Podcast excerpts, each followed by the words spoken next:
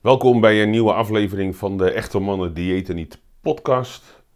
En in deze aflevering ga ik het met je hebben over koolhydraten. Dit naar aanleiding van een vraag van iemand die het jaarprogramma volgt van Echte Mannen Diëten Niet. En die een vraag had over wat nou goede bronnen van koolhydraten zijn. Omdat er zoveel verschillende verhalen zijn, witte rijst, bruine rijst, verse pasta, boekweit, havermout. Wat zijn nou gezonde bronnen van koolhydraten? Waarvoor moet je kiezen? En um, ik ga daar wat over vertellen op basis van mijn eigen ervaring, op basis van wat we daarover weten. Maar um, de vraag is natuurlijk eerst, waarom hebben we het überhaupt over koolhydraten? Um, hè, dit is podcast nummer, eh, weet ik veel, 22 of zo. En ik heb het onderwerp koolhydraten nog niet erg uh, intensief behandeld. Terwijl het meest populaire dieet op dit moment is een laag koolhydraten of een ketogeen dieet. Waarbij eigenlijk, alle focus ligt op het weglaten van koolhydraten uit je voeding. En uh, mijn stelling is dat dat uh, uitzonderingen daargelaten voor de meeste mensen helemaal niet, uh, niet nodig is. Sterker, op de lange termijn is het contraproductief als je wilt afvallen.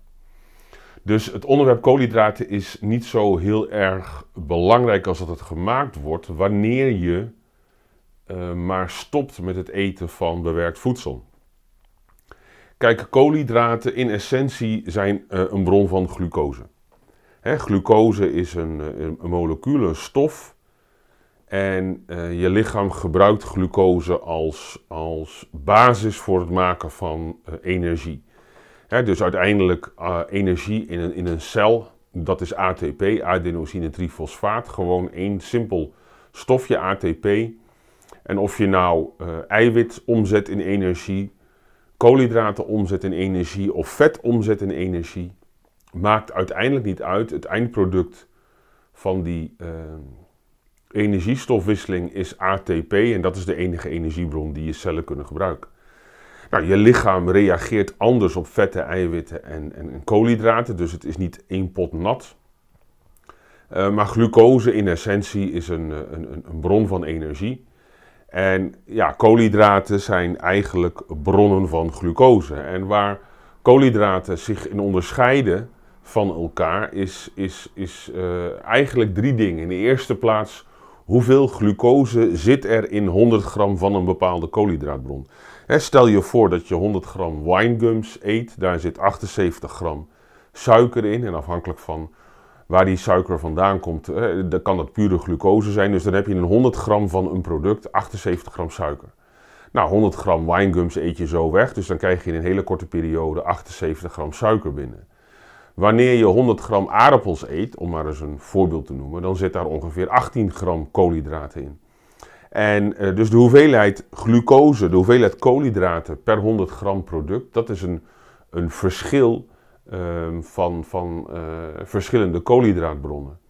Hè, en wanneer je ervan uitgaat dat je uiteindelijk uh, wilt proberen om je bloedsuikerspiegel, dus de, hè, de, de, de schommeling van de hoeveelheid glucose in je bloed, een beetje te beperken, kun je je voorstellen dat wanneer je iets eet met heel veel koolhydraten, dat dat een groter effect heeft op je bloedsuikerspiegel dan wanneer je iets eet met weinig koolhydraten. Dus het eerste waar je naar kunt kijken is hoeveel koolhydraten, hoeveel suiker, hoeveel glucose zit er in 100 gram van een product. Wat verder een verschil is tussen koolhydraatbronnen is de snelheid waarmee die glucose in je bloed komt. Wanneer je simpele suikers hebt, pure glucose, bijvoorbeeld dextrose, dat is pure glucose, ja, dat hoeft niet eens verteerd te worden, dat gaat zo rechtstreeks je bloed in. Um, een suiker zoals in de suikerpot, dat heet sucrose, dat is 50% glucose, 50% fructose. Dat komt ook met een redelijk hoge snelheid je bloed binnen. Maar aan de andere kant heb je uh, de glucose verpakt in, in, in groente en in fruit, die zitten in, in vezels verpakt. En het, die vezels moeten eerst afgebroken worden voordat die glucose vrijkomt. En ook uh, zoiets als, als uh, um, rijst of, of, of aardappelen, gekookte aardappelen. Daarin zit de glucose in, in lange ketens, in zetmeel. En je lichaam heeft gewoon langer tijd nodig om al die glucose op te knippen en aan je bloed af te geven. Dus je ziet dat de snelheid waarmee glucose verteerd wordt, bijvoorbeeld uit aardappelen, maar ook uit, uit bonen of uit havermout, ondanks dat daar uh, 40, 50, 60 gram bij havermout uh, koolhydraten per 100 gram product in zitten, is het tempo waarin dat verteerd wordt is een stuk lager. Dus je hebt aan de ene kant hoeveel koolhydraten zitten er per 100 gram product in een uh, specifiek voedingsmiddel. Wat is de snelheid waarmee dat wordt verteerd? En de laatste is, en daar ga ik het straks wat meer over vertellen, hoeveel antinutriënten krijg je binnen samen met die koolhydraatbronnen. En ga je daar zo wat meer over vertellen, dus die parkeren we even. Als we even focussen op die eerste twee, hoeveel glucose of hoeveel koolhydraten zit er in een product en hoe snel wordt dat verteerd, dan uh, snap je dat wanneer je snoep en koek en frisdrank en vruchtensappen eet of drinkt, dat je dan relatief veel van die suikers binnenkrijgt die ook snel verteerd worden. Dus wanneer jij al dat soort spullen laat staan, wanneer je al dat bewerkte voedsel laat staan, dus je eet geen snoep meer, geen koek meer, geen frisdrank meer, geen uh, vruchtensappen meer, ook geen uh, nootjes en zoutjes en, en patat en weet ik wat allemaal nog meer. Allemaal bronnen van koolhydraten waar vaak ook nog een grote hoeveelheid vet in zit. Wanneer je dat allemaal laat staan, ja, dan ben je natuurlijk heel veel glucose ben je kwijt. Dan ben je al heel veel voedsel kwijt wat, wat snel aanzet, omdat de combinatie suiker en vet in een voedingsmiddel ervoor zorgt dat je makkelijk vet opslaat. En wanneer je dat doet, wanneer je al het bewerkte voedsel laat staan, dan ben je eigenlijk al uh, um, uh, met betrekking tot je koolhydraatinname bezig om dat te reduceren. Een gemiddelde man in Nederland eet 300 gram koolhydraten, waarvan 130 gram suiker. Nou, wanneer je gewoon alle meuk weglaat en je reduceert die suikerconsumptie, dan zie je dat die koolhydraatinname eigenlijk automatisch teruggaat naar een min of meer natuurlijke hoeveelheid. En op basis van onderzoeken, bijvoorbeeld onderzoeken onder natuurvolkeren, weten we dat, dat gemiddeld genomen tussen de 20 en 40 procent koolhydraten uit je dagelijkse energieinname, dat dat een, ja, dat dat een, een, een gezonde hoeveelheid is. En dat kan wel verschillen. Hè? 20 en 40 procent is een factor, uh, factor 100 procent, factor 2 verschil. Maar het is nog steeds veel minder dan die 70% die door de Gezondheidsraad wordt geadviseerd en die ook door het voedingscentrum wordt, uh, wordt overgenomen. Het is belangrijk dat je uh, voldoende eiwit binnenkrijgt. Het is belangrijk dat je voldoende gezonde vetten binnenkrijgt, essentiële vetzuren. En uiteindelijk heb je ook glucose nodig. Je lichaam kan het zelf maken. Hè. Dat is ook het belangrijkste argument van mensen die een ketogeen dieet uh, aanbevelen. Hè. Je lichaam maakt zelf glucose. Maar het simpele feit dat je lichaam dat doet, onder alle omstandigheden, laat wel zien hoe belangrijk glucose is. En ja, we weten dat als je bloedsuikerspiegel te laag raakt, dan, dan kom je in een coma en dan ga je uiteindelijk dood. Dus glucose is heel erg belangrijk voor je lichaam. Zo belangrijk dat je lichaam het zelf kan maken. Dus het idee dat het niet essentieel is, is wat kortzichtig. Nou, wanneer je dan kijkt naar uh, die, die, die koolhydraatbronnen en je laat al dat bewerkte voedsel en al dat voedsel met, met veel suiker en veel snel verteerbare koolhydraten raak je weg, dan, dan, ja, dan blijft in principe een, een, een, een hoeveelheid voedsel over wat je zou kunnen typeren als natuurlijk vers voedsel. Denk bijvoorbeeld aan een aardappel. Denk aan andere knollen die uit de grond komen, zoals bijvoorbeeld uh, cassave. Denk aan uh, rijst, bruine rijst, witte rijst. En denk aan de verschillende soorten granen, van, van tarwe tot haver tot boekweit, waar van alles mee gemaakt is. En uh, je kunt ook kijken naar bonen, dus bruine bonen, witte bonen, um, kapucijnders, kidneybonen, waar ongeveer 30, 40 gram koolhydraten per 100 gram product in zitten. Dat zijn eigenlijk allemaal natuurlijke bronnen van koolhydraten. En kenmerkend voor die natuurlijke bronnen van koolhydraten is dat het allemaal plantaardige bronnen zijn. Wanneer je kijkt naar, naar dierlijk voedsel, naar vlees, vis, kip, ei, dan is dat per definitie laag in koolhydraten. Dus koolhydraten komen eigenlijk altijd uit plantaardige bronnen. En, en dat, dat, kun je ook, ook nazoeken. Door middel van fotosynthese wordt er uh, glucose aangemaakt en die, die planten bevatten die suikers. En uh, soms bevatten ze die suikers in lange ketens en soms bevatten ze die suikers in enkelvoudige koolhydraten in de vorm van, van glucose. En kenmerkend voor planten is dat ze stoffen aanmaken die uh, die planten een beetje beschermen. Je moet je voorstellen als plant, je, je staat stil in de grond en je kunt eigenlijk niks doen om te voorkomen dat je opgegeten wordt door slakken, door insecten of door vogels. Dus wat die, wat die planten doen, is dat ze stoffen aanmaken die in meer of mindere mate toxisch zijn voor degene die ze eten. je kent de voorbeelden wel van, van, van besjes die in het bos groeien die je niet mag eten, want die zijn giftig paddenstoelen die giftig zijn. Zo zitten er ook in heel veel planten in meer of in mindere mate antinutriënten, stoffen die toxisch zijn voor je lichaam. Nou, in geringe mate is dat niet erg. Sterker nog, door het proces wat wij hormesis noemen, is een zekere mate van, van stress, een zekere mate van toxiciteit uh, in een lage graad is zelfs goed voor je, want je lichaam wordt daar sterker van. Hè, dat is waarom het eten van planten en, en het eten van verschillende stoffen je weerstand kan verhogen. je, je, je voegt iets toe aan het lichaam waardoor er een respons komt en daardoor uh, neemt je weerstand, weerstand toe. Het is hetzelfde met, met, met, met virussen bijvoorbeeld. Als je blootgesteld wordt aan een virus, komt er een reactie van je lichaam. Je lichaam maakt antistoffen aan en vervolgens is je weerstand tegen dat virus verhoogd. Nou, met die antinutriënten gaat het net zo. Dat, dat geeft een, een, uh, een, een reactie in je lichaam die uiteindelijk je lichaam kan versterken. Alleen wanneer je veel van die antistoffen binnenkrijgt, dan kan het effect ook negatief worden. En een van de dingen die we bijvoorbeeld weten is dat er hè, bepaalde stoffen zijn, vitinezuur is daar een voorbeeld van. Dat remt de opname van bijvoorbeeld uh, magnesium en zink in je lichaam.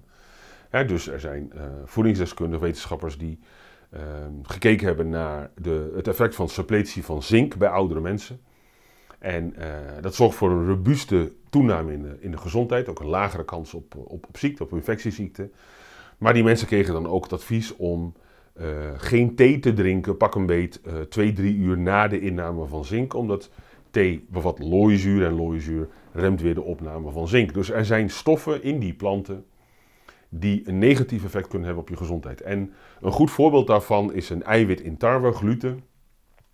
Wat uh, bij sommige mensen echt een hele hevige reactie geeft. Echt een, een, een immuunreactie. Hè? Mensen die glutenintolerant zijn, kunnen helemaal niet tegen gluten. En mensen met celiakie kunnen er eigenlijk ook niet tegen. Uh, maar hebben dan veel meer een problemen bij de darmen.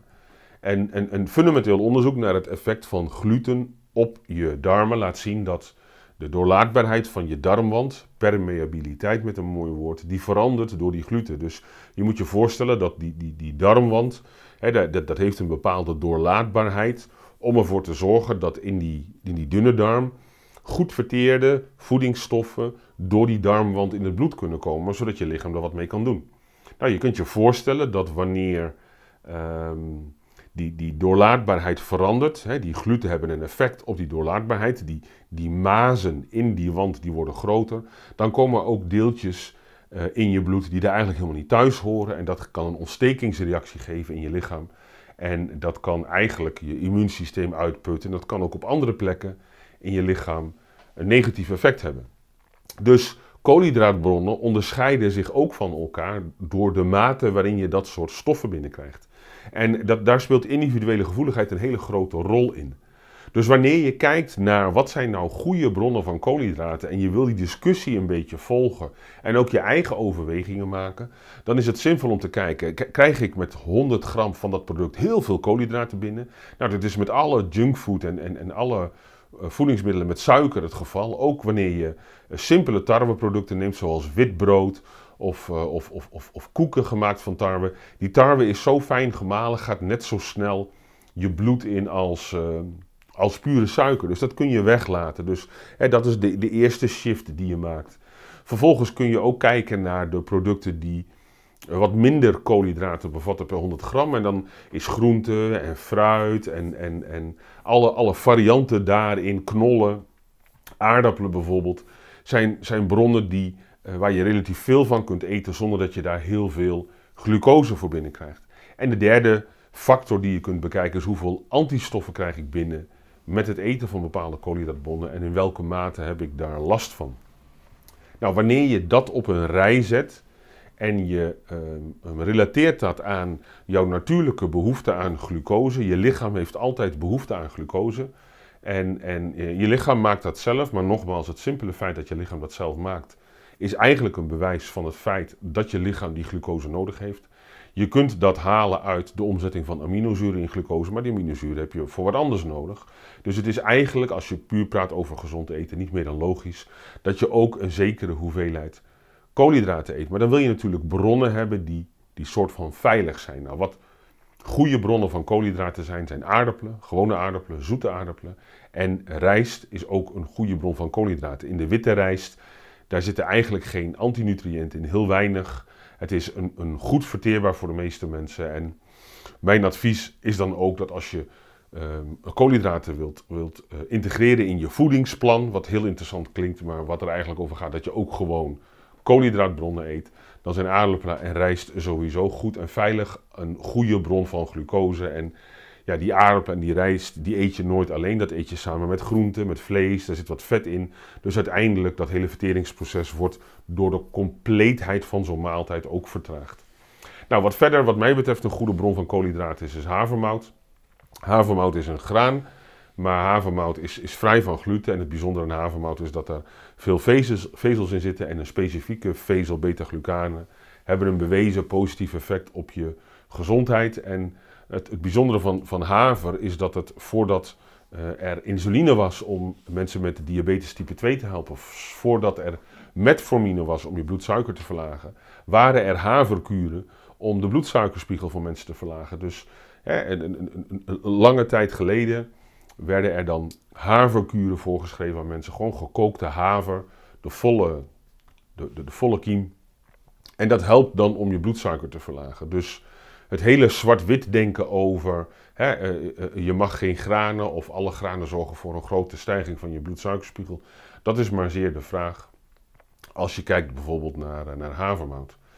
Tarwe is eigenlijk een, een, een hele lastige. Als je kijkt naar, naar de tarwe die tegenwoordig gebruikt wordt, dat is geen oorspronkelijke graansoort. Het is geen oorspronkelijk tarwe. In de jaren 50 is tarwe veredeld, zoals we dat in het Nederlands noemen, wat uiteindelijk neerkomt op genetisch gemanipuleerd. Het is veredeld door het te kruisen met verschillende soorten gras, waardoor die, die, die aar langer is geworden. Dus dat stuk waar die tarwekorrels in zitten, dat stuk is langer geworden.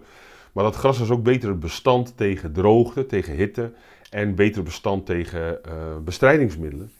En het hele doel daarvan was ervoor te zorgen dat ook in de gebieden waar normaal gesproken moeilijk tarwe kon groeien, er toch voldoende opbrengst was om mensen te voeden. Dus, dus dan moet je denken aan Midden-Amerika, Zuid-Amerika, bepaalde plekken in Afrika. En er zijn wetenschappers die hebben een Nobelprijs gekregen voor het veredelen van tarwe. En hebben daar letterlijk miljoenen mensen mee, mee gered van een hongerdood. Dus er zit wel degelijk een, een nobele achtergrond uit die veredeling. Maar de consequentie van die veredeling is dat de samenstelling van de tarwe is veranderd en er meer van die antinutriënten in zitten en ook het, het gehalte aan gluten veel groter is. En als je kijkt naar de ingrediënten van brood, dus wanneer je brood koopt in de supermarkt, dan zie je eigenlijk ook altijd dat daar extra gluten aan zijn toegevoegd om ervoor te zorgen dat het brood gewoon langer soepel blijft en je na twee of drie dagen nog steeds een, een, een zacht broodje hebt. Dus, dus je kunt dan als je uh, graag brood wilt eten en uh, je kunt niet zo goed tegen uh, al die toevoegingen, kun je kijken of een, of een biologische bakker bijvoorbeeld zuurdesembrood voor je kan maken, je de gist ook kwijt. Mijn ervaring is dat het eigenlijk voor mij in ieder geval niks uitmaakt. Ik heb vroeger veel brood gegeten en heb ook altijd een opgezwollen buik gehad, zat slecht in mijn energie en kon ook aan mijn ontlasting merken dat mijn darmen niet goed functioneerden en de ja, de grootste verbetering, de grootste verandering is geweest dat ik het, het tarwe eruit heb gehaald. Ik ben daar heel strikt in geweest, heel lang. En ik moet zeggen dat ik de laatste pak een beetje één of twee jaar daar wat gemakkelijker in ben. Dat, betekent dat als ik uh, een, een, een, pita broodje krijg bij een zwarme schotel, eet ik het pita broodje ook wel op. En, en um, um, weet je wel, zo kan het voorkomen dat ik wel eens brood eet. Uh, eens in de pak een beetje drie, vier weken eet ik uh, wel, wel pasta. Um, maar niet dagelijks en, en, en, en, en eigenlijk ook niet wekelijks. Eet ik tarwe. En um, dat is gewoon erg, erg individueel. Hè. Brood is in alle culturen onderdeel van, het, van, het, eh, de, uh, het, het, uh, van maaltijden, maar het is altijd een bijgerecht. Alleen in Nederland denken we dat brood het hoofdgerecht is. En beginnen we de dag met muesli, tarwe. Dan nemen we een koekje bij de koffie, dat is tarwe. Dan eten we brood voor lunch, dat is tarwe. Dan nemen we een koekje bij de thee, dat is tarwe. Dan gaan we pasta eten, dat is tarwe. En s'avonds weer uh, een koekje bij uh, de koffie of bij de cola, ook dat is tarwe. Dus wij knagen de hele dag door op die tarwekorrels. Ja, en dat is gewoon echt, uh, dat is gewoon niet goed voor je. Dat is ook niet waar, waar je lichaam voor is gemaakt. Dat is ook niet wat aansluit bij een oorspronkelijk voedselpatroon. Dus wat zijn gezonde bronnen van koolhydraten? Aardappelen zijn veilige bronnen van koolhydraten. Rijst is een veilige bron van koolhydraten. Eigenlijk kun je zeggen dat witte rijst net zo goed is als bruine rijst. Bruine rijst, daar zit dan misschien wat meer vezel in, maar in die vlies zitten weer die antinutriënten. Dus ik zou gewoon kiezen voor witte rijst. Vind je bruine rijst nou super lekker en reageert je lichaam daar goed op? Eet dan vooral bruine rijst, maar witte rijst en aardappelen zijn prima. Havermout is een goede bron van koolhydraten. En ook weer een beetje afhankelijk van de individuele gevoeligheid. Bonen zijn ook een goede bron van koolhydraten. Die bonen worden langzaam verteerd. De bonen zijn enorm vezelrijk, wat goed is voor je darmflora. En ook rijk aan eiwitten. En wanneer je uit die bronnen wat koolhydraten kiest, is mijn ervaring uh, dat dat eh, prima past in een plan om, uh, om je lichaam gezond sterk te houden en om af te vallen. En um, wanneer je kiest voor een patroon gebaseerd op wat ik oorspronkelijke voeding noem, met een grote nadruk op eiwitrijk voedsel, groente, fruit en gezonde vetten, dan zie je dat gehalte aan koolhydraten zie je naar beneden gaan. En eh, dan, dan kom je uit op een natuurlijke inname van ergens rond de 150 gram per dag of zo. Je hoeft het echt niet te gaan tellen. Maar dat is aanzienlijk minder dan de 300 gram die een gemiddelde man eet. En het is ook in de hoeveelheid suiker aanzienlijk minder. En daarmee kom je eigenlijk al gewoon op een niveau uit wat uh, gezond is voor je en wat ook makkelijk uh, vol te houden is. En eigenlijk kun je zeggen dat alleen wanneer je in, in hoge mate insulineresistent bent, dus wanneer je bloedsuikerspiegel structureel te hoog is, boven de 5,6 millimol, wanneer je nuchtere insuline structureel hoger is, dus hè, ruim boven de 7 of 8, dan, dan, dan heb je een HOMA-IR van 2 of 3 of zelfs hoger ja, dan is het zinvol om die hoeveelheid koolhydraten wat terug te brengen. En helemaal natuurlijk wanneer je diabetes type 2 hebt. Hè. Diabetes type 2, dat is de overtreffende trap van insulineresistentie. Dan is je bloedsuikerspiegel boven de 7 millimol. En, en je HOMA-IR is waarschijnlijk 4 of 5. En ja, op dat moment um, ben je zo ver in, in het verstoren van je stofwisseling dat je eigenlijk geen nieuwe suikers in je systeem wilt hebben. En dan kan het zinvol zijn om je koolhydraten wat sterker te reduceren en je te beperken tot, eh, tot alleen maar groenten en dan vervolgens vlees en vet te eten. Net zolang tot je weer insuline gevoelig bent en dan kun je kijken of je met een kleine ophoging van de hoeveelheid koolhydraten um, weer een soort van, van, van houdbaar manier van eten hebt. Dus gezonde bronnen van koolhydraten leveren je niet te veel koolhydraten in een korte periode. Zorg ervoor een wat langzame vertering en zorg er ook voor dat je niet gigantische hoeveelheden antinutriënten binnenkrijgt. Ik ben zelf niet echt een fan van dat koolhydraat, sorry, dat koolhydraatarme brood, waar dan allerlei verschillende soorten zaden en erwtenmeel en kikkererwtenmeel in zit. Ik, het is punt 1 helemaal niet lekker, vind ik zelf. En punt 2 voegt het ook niks toe. Ik merk dat mijn darmen daar heel slecht op reageren. Dus, dus ik zou uh, uh, me beperken tot gewoon het eten van brood wat je lekker vindt op die momenten dat dat uh, nodig voor je is. En voor de rest probeer vooral complete maaltijden te eten en focus je op het eiwitaandeel in de voeding, de gezonde vetten, grote porties groenten. En, en daar kunnen dan een zekere hoeveelheid uh, koolhydraten bij zitten, afhankelijk van, uh, van, van, van ja, hoe insulinegevoelig je bent en ook hoe fysiek actief je bent wanneer je intensief met gewichten traint of je doet andere vormen van training waar je lichaam teert op glucose, kan het gewoon zinvol zijn om de hoeveelheid koolhydraten wat op te hogen. Je hoeft het niet te reduceren tot 50 gram. Je hoeft echt geen ketogeen dieet te volgen. Dat is eigenlijk niet houdbaar. Maar door het voor te sorteren in de soort koolhydraten die je eet, kun je wel helpen om je lichaam optimaal gezond te maken. En ja, dan in de combinatie met vaste krachttraining en nuchter bewegen, is het eigenlijk uh, uh, simpel om gewicht te verliezen. Om de dood eenvoudige reden dat er geen reden is meer voor je lichaam om vet vast te houden. En, en daarin spelen koolhydraten een rol. Hè. Dat, dat, dat is niet onderwerp van deze podcast, maar wanneer je structureel te weinig glucose in je lichaam hebt, te weinig insuline in je lichaam hebt, heeft dat effect bijvoorbeeld op je schildklierfunctie. Het heeft ook effect op de productie van testosteron.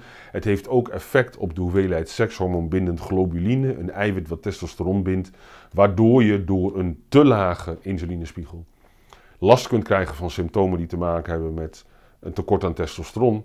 En je ziet dat heel mooi terug in bloedonderzoek. Dan is die hoeveelheid testosteron eigenlijk hartstikke hoog. Maar die hoeveelheid SHBG is zo hoog dat er uh, te weinig testosteron vrij is. Die SHBG houdt testosteron gevangen. En ga je dan kijken naar insuline, dan zie je dat die insuline veel te laag is. En vervolgens ga je in gesprek met zo iemand. En dat doe ik iedere week een aantal keren. Met mensen die bloedonderzoek doen. En dan kom je eigenlijk altijd uit op mensen die laag koolhydraten eten. En daardoor dat lichaam gewoon ontregeld hebben. En te veel in die katabole lage stand zitten. En dan vervolgens nog steeds 10 kilo te zwaar zijn en niet afvallen. Dus een, een gezonde balans betekent eigenlijk dat je alles eet, maar op een goede manier. Ja, en ik hoop je met het uh, verhaal over koolhydraten daar wat richting in te hebben gegeven. Alright, dat was het voor deze aflevering. Ik dank je voor het luisteren en tot een volgende keer.